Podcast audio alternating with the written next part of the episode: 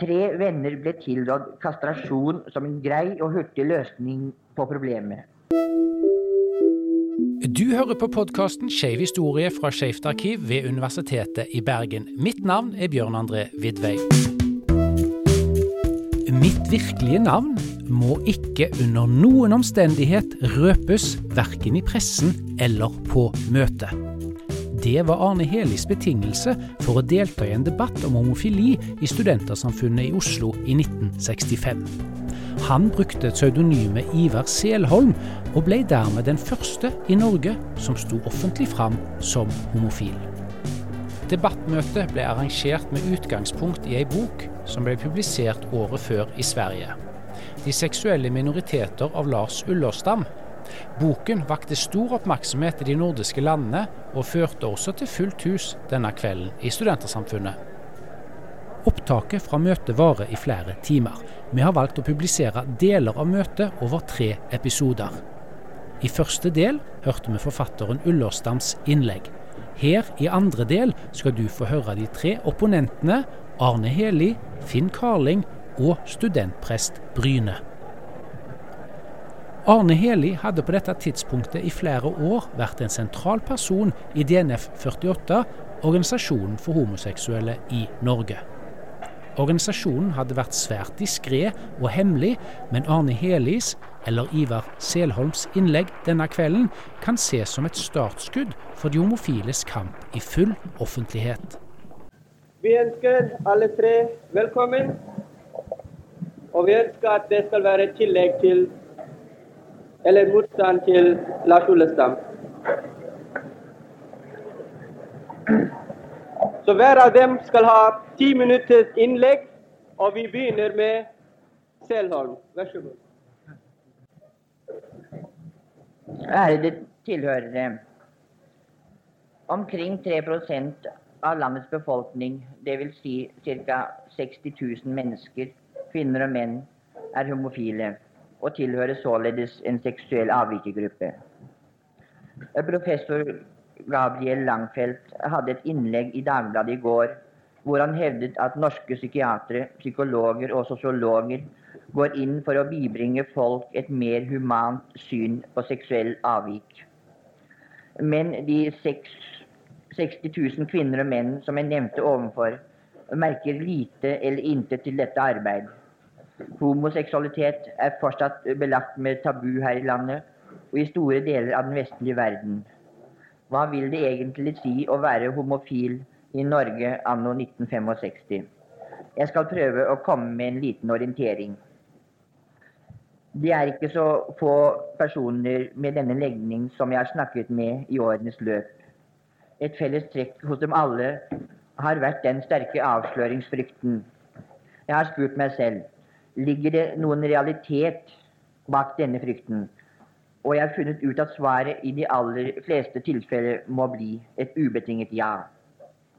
Det er en realitet og en kjensgjerning at for forholdene på en vanlig arbeidsplass ville bli uutholdelige for den homofile dersom hennes eller hans legning ble allment kjent.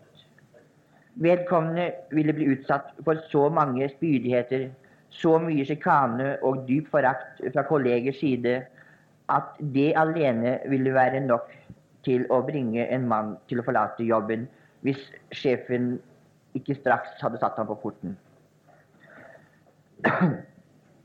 Man kan f.eks. lett tenke seg det rabalder som ville oppstå på en folkeskole dersom det kom ut at en av lærerne var homofil. Hvordan ville ikke da barnas foreldre straks blande sammen begrepene pedofili og homoseksualitet, selv om skolemannen slett ikke følte seg tiltrukket av personer som var yngre enn ham selv? Han kunne være et etisk høytstående individ, en glimrende pedagog, men like lite ville det hjelpe. Hans karriere som lærer ville være definitivt slutt.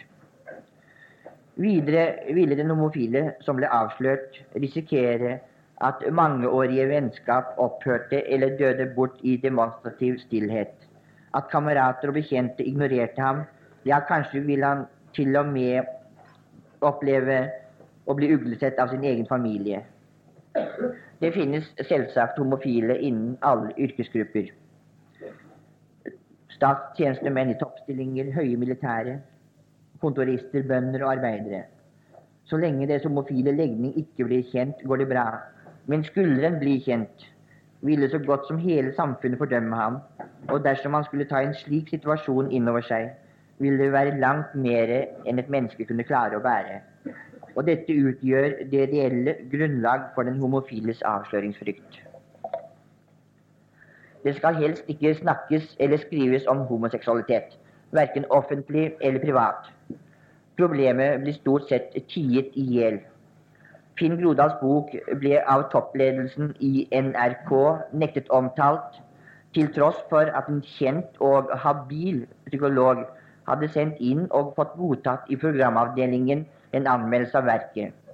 NRK har til dags dato ikke hatt mot til å ta opp problemet homoseksualitet, mens både Sveriges og Danmarks Radio har hatt flere programposter om emnet.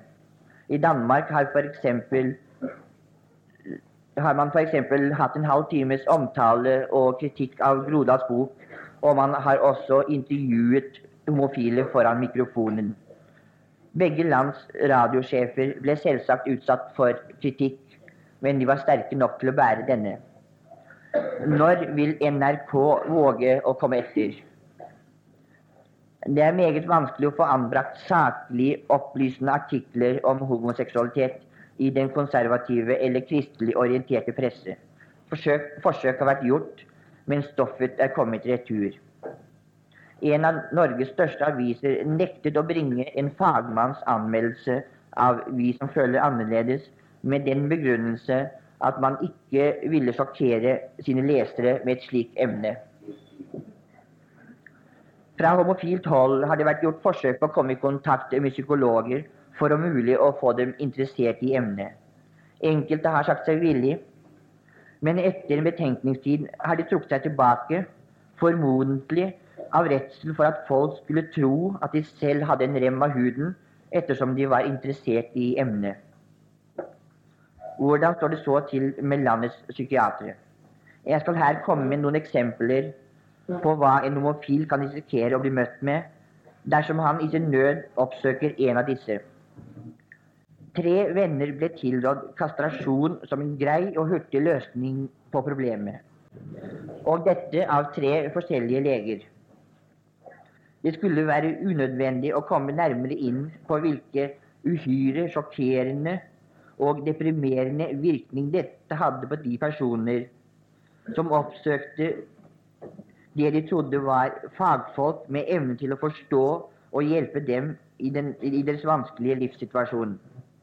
En psykiater rådet ved førstegangs konsultasjon en homofil til å gifte seg, for derved å få løst hele problemet greit og enkelt en gang for alle. Denne psykiateren røpet etter mitt syn en utilgivelig ansvarsløshet.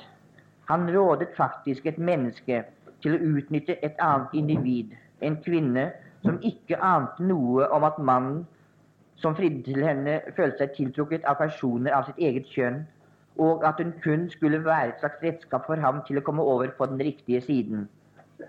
En annen ting er selvsagt at et slikt råd viser en hårreisende uvitenhet om, selv, om selve den homofile legnings natur skulle en kunne helbredes for homofili på denne enkle måten, ville homoseksualiteten jo bare utgjøre Ville ikke homoseksualiteten utgjøre noe problem i det hele tatt.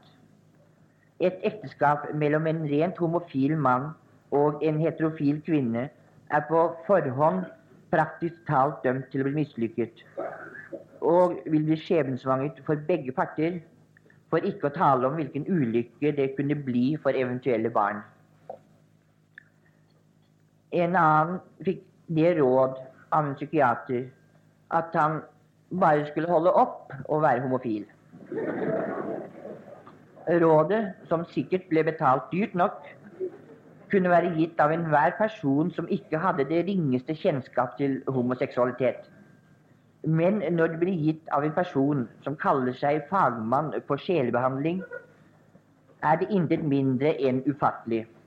Og hadde jeg ikke hatt denne historien fra en pålitelig kilde, hadde jeg nektet å tro at en psykiater kunne avsløre en så total uvitenhet om sin egen fagkrets. Disse eksempler er ikke ment som et angrep på psykiatere og psykologer i sin alminnelighet. Jeg har kun benyttet dem som eksempler på hvor stor uvitenhet man kan møte i de kretser, og hvilke sjokkerende opplevelser det må være for den homofile å blir møtt med så liten forståelse og ansvarsfullhet fra dette hold. Personlig kjenner jeg, eller vet om, psykologer og psykiatere som kan vise en meget stor innlevelsesevne, som har studert problemet inngående, og som derfor kan være til stor hjelp for en person med en sjelelig konflikt. Den kristne homofile er kanskje i den vanskeligste, vanskeligste situasjon enn noen annen i denne gruppen. Jeg har snakket med enkelte troende homofile. Kirkens fordømmende holdning til homoseksualitet betyr selvsagt for dem en belastning som bare de færreste utenforstående formår å sette seg inn i. Enkelte, enkelte geistlige kan nok akseptere det faktum at selv kristenfolk kan ha en annen legning, men de angivende blir alltid møtt med kravet om total avholdenhet. Dette vil i praksis si at den kristne homofile også bør avholde seg fra kontakt med likesinnede for å unngå fristelsen til å synde. Han blir altså i realiteten gående helt kontaktløs og må bære sitt kors uten håp om noen gang å få tilfredsstillet sitt behov for kontakt med personer som har de samme problemer som han selv. Det er også en annen side ved det homofile problem som jeg må ta med her. Den invertertes vanskeligheter med å få kontakt med likesinnede. Bare det å oppspore og komme i kontakt med følelsesfeller byr på vanskeligheter som i mange tilfeller må være uoverstigelige. Jeg sikter her først og fremst til de som bor på landet eller i en småby. I og med at den homofile skjuler seg for omverdenen, skjuler han seg også for sine egne. Jeg har snakket med folk på 50-60 år som aldri tidligere har vært i kontakt med en følelsesfelle, og som ikke har betrodd seg om sin legning til eneste, en eneste levende sjel. Ingen homofil kan vel unngå i årenes løp å komme i kontakt med personer han vet eller føler hører til hans art. Men derfra og til å bryte isen og snakke ut vil det som regel være et meget langt sprang. For dem som bor i en storby, stiller problemet seg noe annerledes, forutsatt at de ikke er altfor fryktsomme eller innstiller seg på fullstendig resignasjon, f.eks. av religiøse grunner, vil de før eller senere komme i kontakt med likesinnede. De venner som, på, som da så smått om senn begynner å dukke frem, vil dessverre bare sjelden slumpe til å kunne dekke ens behov for alminnelig sjelelig og åndelig kontakt på en tilfredsstillende måte. Og Jeg må også til slutt komme med et annet sentralt uh, punkt, nemlig den homofiles følelsesliv. Det er dessverre en utbredt misforståelse at den homofile mann ene og alene går rundt med et fysisk begjær etter en annen mann. Dette er en fullstendig feilvurdering av homofile. Den inverterte har selvsagt det samme behov for sjelelig kontakt med et annet individ som den heterofile. Og I denne forbindelse vil jeg gjerne si at etter å ha lest herr Ullerstams bok og hørt ham i dag, så virker det på meg som om legen prøver å avskille det seksuelle fra det rent menneskelige. At han betrakter det som to forskjellige faktorer som ikke har noen innbyrdes sammenheng.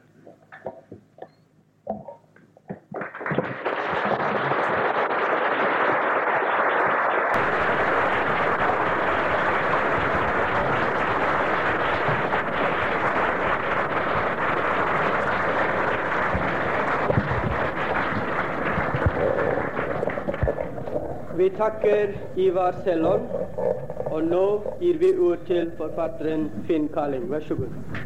Takk.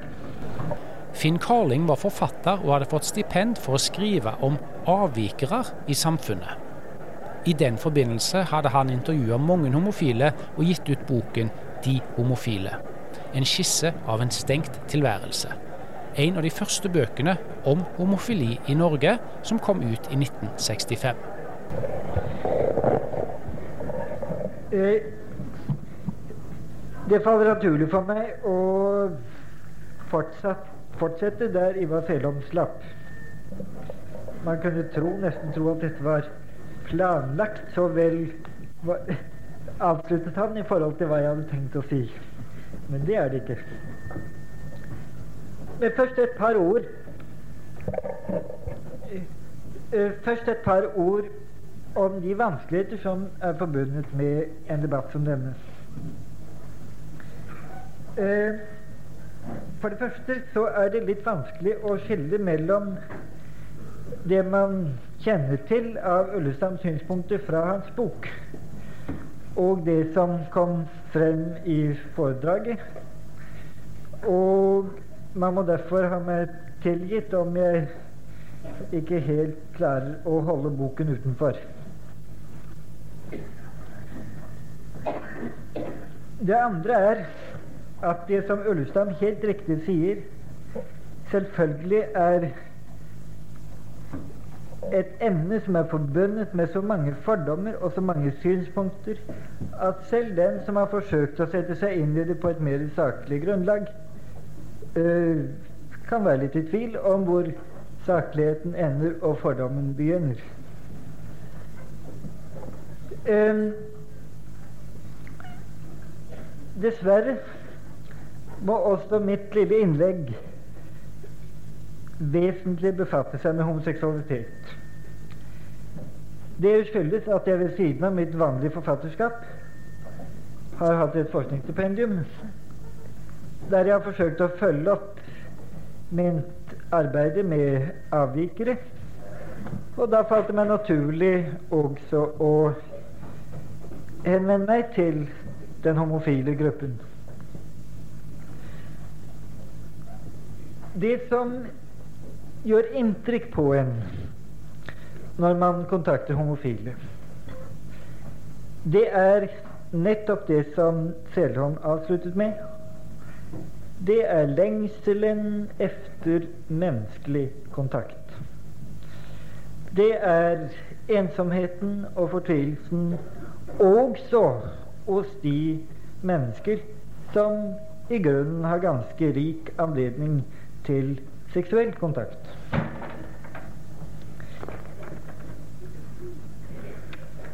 Det er med andre ord slik at seksuell kontakt slett ikke nødvendigvis fører til en tilsvarende glede og kjærlighetsopplevelse.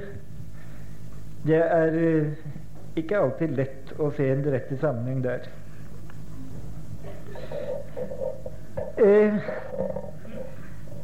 så vidt jeg forsto Øllestad, og eh, da særlig på bakgrunn av hva han skriver om dette i sin bok, så er mennesket født med eller har ervervet seg Det er et interessant og uklart punkt hos Øllestad. En såkalt driftsprofil. Det vil si, som han sier i sin annen tese, nemlig forskjellige ø, behov for hvert enkelt menneske som må tilfredsstilles for at det skal ha glede av sitt seksualliv.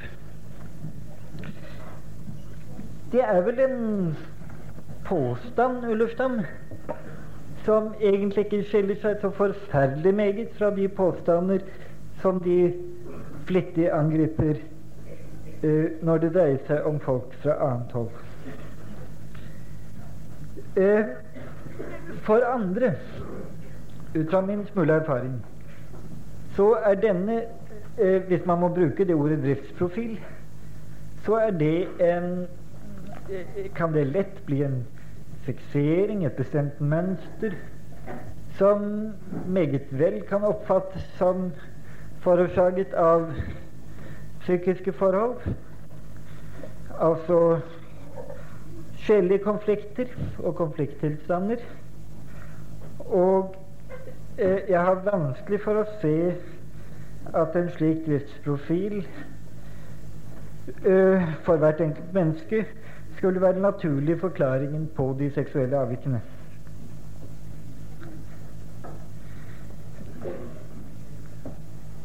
Eh, siden det er kort tid, så vil jeg bare påstå, for å bli i den usaklige form, at eh, de seksuelle avvik vel godt kan tenkes å betraktes som ubevisste løsninger på sjelelige konfliktsituasjoner.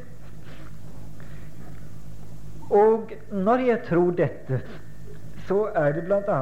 fordi jeg i dette lille skal vi si forfatterforskningsarbeidet så har jeg støtt på så mange andre symptomer hos homofile som deres eh, rastløshet, deres labilitet, deres begrensede eh, behovsmønster, identitetskonflikter, som sier meg at det må være noe som ledsager, eller noe som tyder på en konfliktbakgrunn av sjelelig art.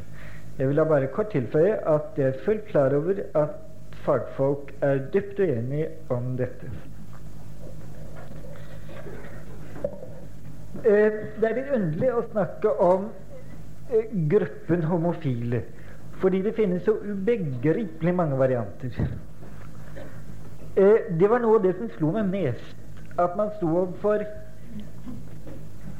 så mange varianter at det ble vanskelig å finne noen særlig uh, fellesnevner. Da bortsett fra denne spesielle særegenhet at den homofile vil ha tiltrekning til mennesker av samme kjønn. Og faktisk blir på den måten skillet mellom den heterofile og den homofile også etter hvert nokså betydningsløst, fordi man finner uh, forbløffende mange mennesker innen den heterofile fløy som vel sitter med de tilsvarende fikseringer og tilsvarende begrensninger og tilsvarende øh, tilsvarende labilitet. Men fordi de er lykkelige nok til at det går inn i det, det vanlige øh, normmønsteret, så slipper de lettvint igjennom.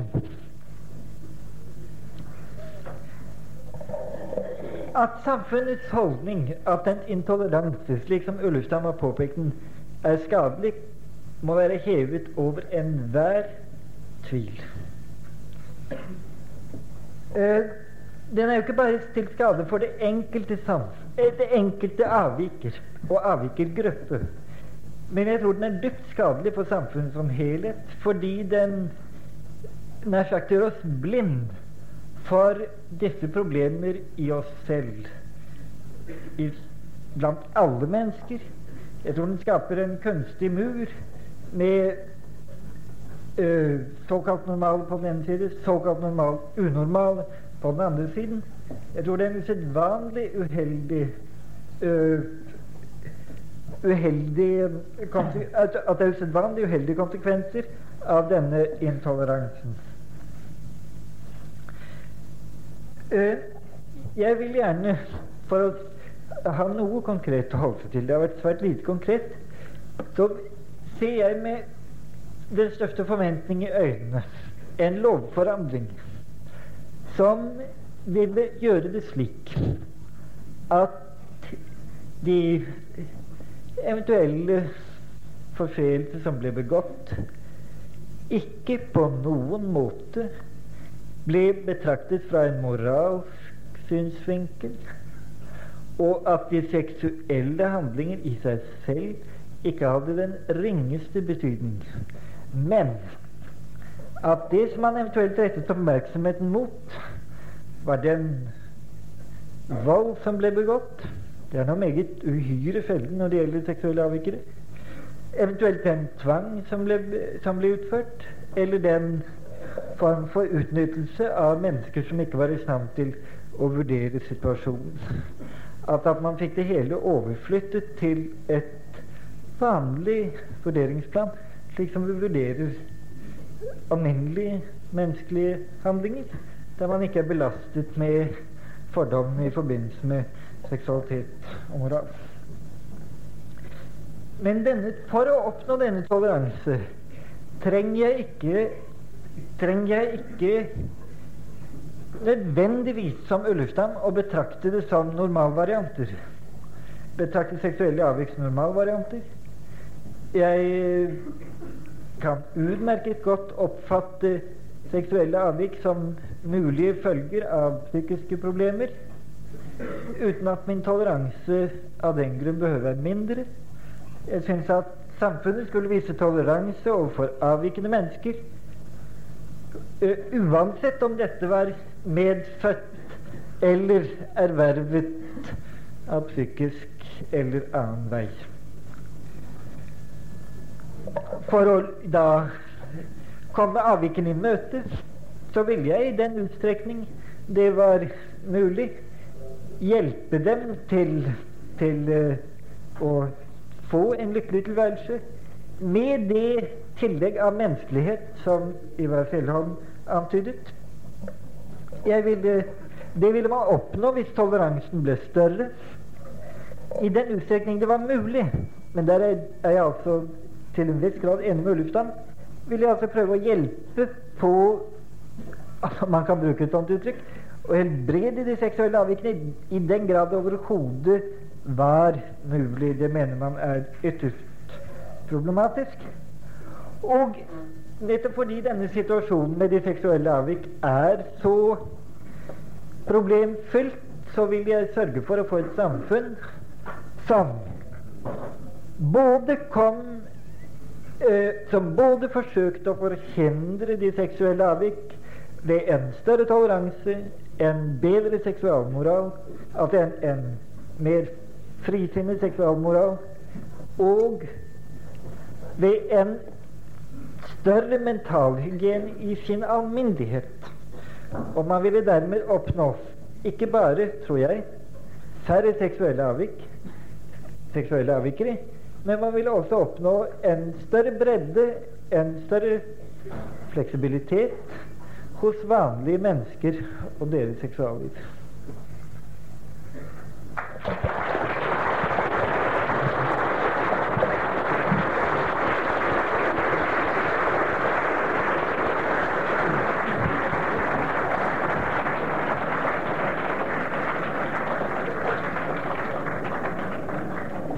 Takker Finn Kaling, og neste er studentpresten Torstein Bryne som skal ha ordet. Vær så god. Takk. Studentprest Torstein Brynes innlegg kunne neppe blitt holdt i dag. Her får vi et godt tidsbilde på kirkens holdning den gangen. Det første jeg gjerne vil si, er at vi har for oss et viktig emne som i vårt samfunn har krav på å bli behandlet med oppmerksomhet og med alvor. Spørsmålet er dernest danner det foredraget vi nå har hørt, og den boken som ligger til grunn for dem, utgangspunktet for en slik behandling. Jeg har lest doktor Ullerstams bok og hørt hans foredrag her i kveld med dette spørsmålet. Er det mulig at vi kan finne utgangspunktet for en dialog om dette spørsmålet på tvers av livssyn og fagområde? En dialog som kan gjøre en meningsutveksling fruktbar? Eller vil resultatet bare bli at vi konstaterer forskjellen i livssyn og menneskesyn og de moralske konsekvensene av dette, og så deklarerer konklusjonene på de respektive syn, og så forhåpentligvis i saklighetens navn går inn for å interpretere hverandre riktig.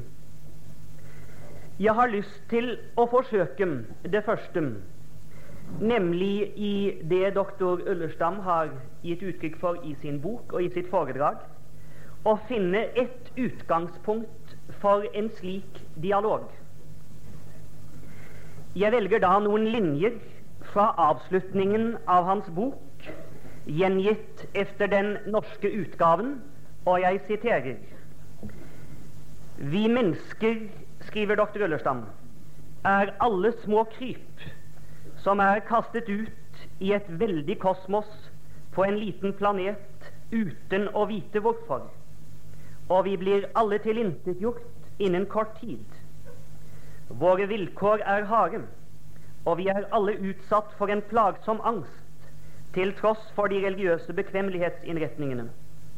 Angst for mørket, intetheten og uendeligheten bak og foran denne lille episoden som kalles liv. Menneskets tilværelse har en dyster innramming. Vår eneste trygghet er at vi deler de samme elendige forhold. Vi har hverandre, og vi har litt selskap i livsperioden. Sitat slutt.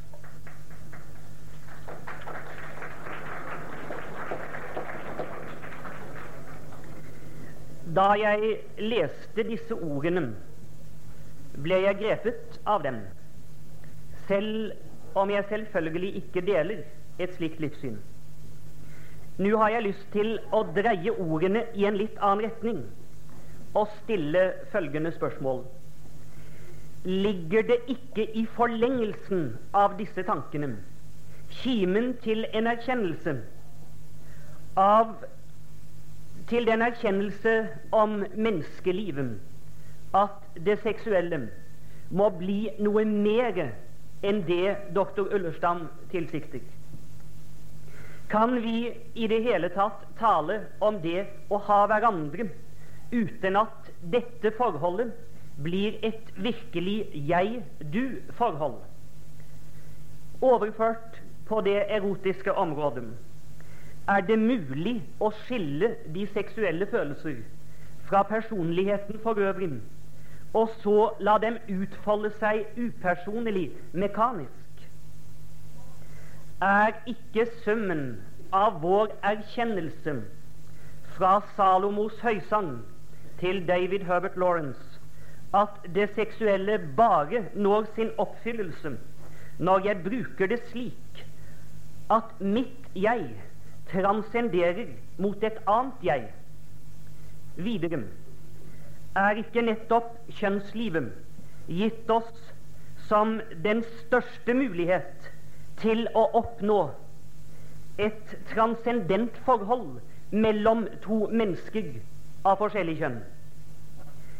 Et virkelig jeg-du-forhold. Eller som Bibelen sier dem, at de to skal være ett kjød. Dernest er det ikke også en bred erkjennelse at en upersonlig seksuell aktivitet, et jeg-det-forhold, øker følelsen av ensomhet og skaper ikke glede og lykke, men tomhet og depresjon i det menneskelige sinn.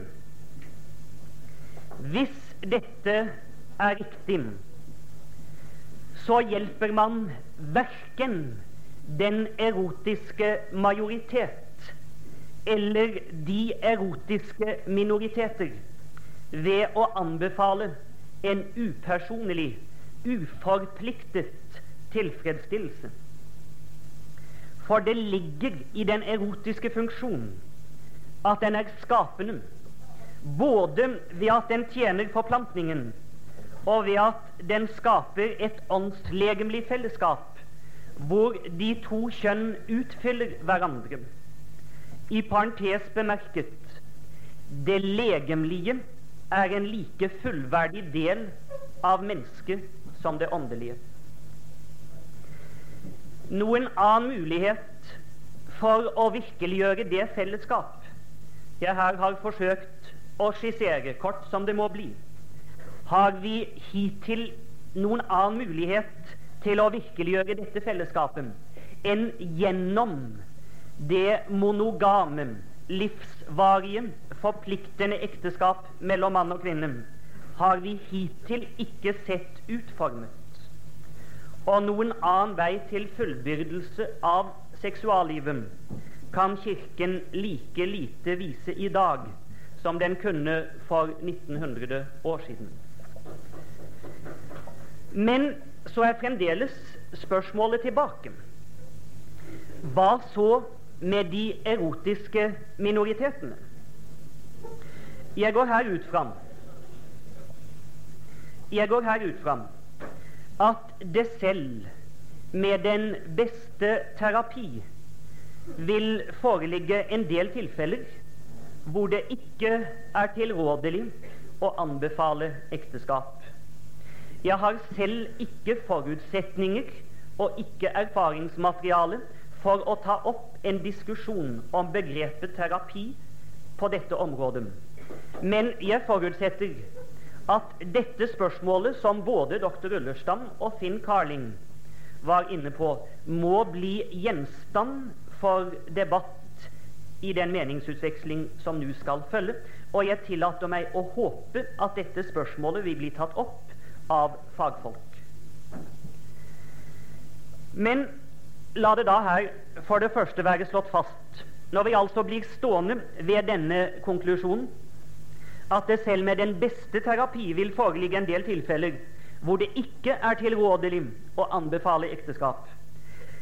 La det da for det første her være slått fast at det ut fra et kristent syn under alle omstendigheter er en alvorlig og en forferdelig synd å se ned på et menneske som av en eller annen grunn er annerledes.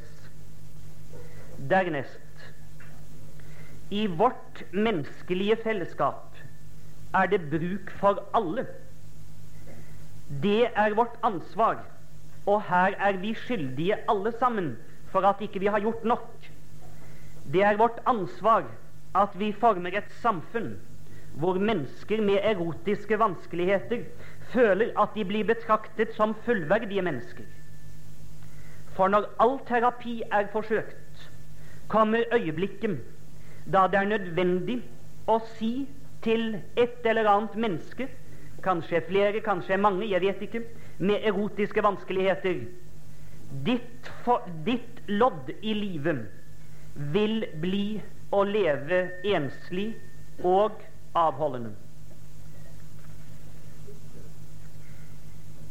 Men da må vi samtidig, når vi sier dette, si til oss selv vårt ansvar er at det enslige liv minst mulig skal føles som et ensomt liv. Samfunnet vil alltid trenge innsatsen fra dem som lever enslig.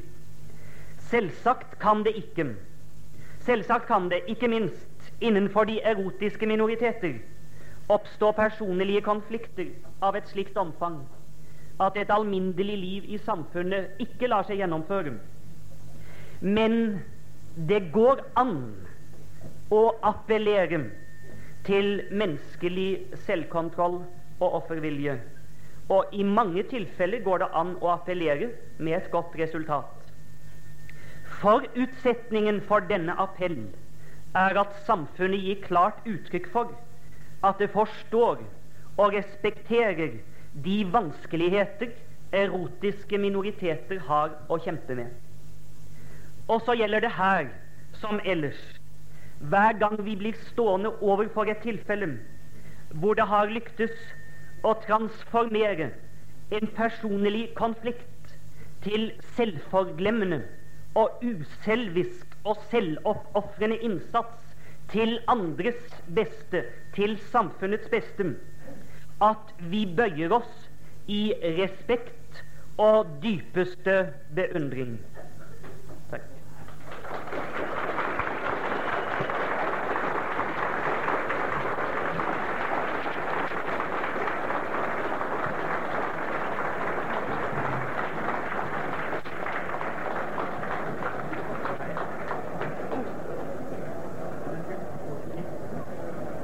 Vi takker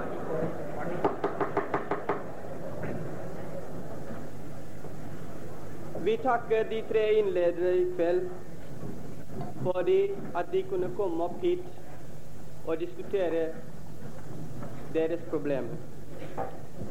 Vi må ta hensyn til, uansett om hva fagmenn sier, at det foreligger et stort ansvar overfor oss alminnelige mennesker. Kanskje de, de innledende og Lars Ullestam skulle nevnte om hva skjer med en mann som møter en eh, homofil for første gang i hans liv. Hvilken psykologisk virkning er det? Er det noen grunn at en mann som møter en homofil for første gang, blir så fornærmet at han, han går hele livet og tenker over dette og bygger opp en hat som Selholm kom inn på. Og vi håper at samtlige her kan i kveld forstå den avvikende forhold i et samfunn. Og vi takker alle tre igjen. Takk. Siste og tredje del fra dette møtet er et sammendrag av debatten som fulgte, med hovedvekt på reaksjonene mot Arne Heli. Du har hørt på podkasten Skeiv historie fra Skeivt arkiv. Mitt navn er Bjørn André Vidvei. Produsent er Jo Gjelle.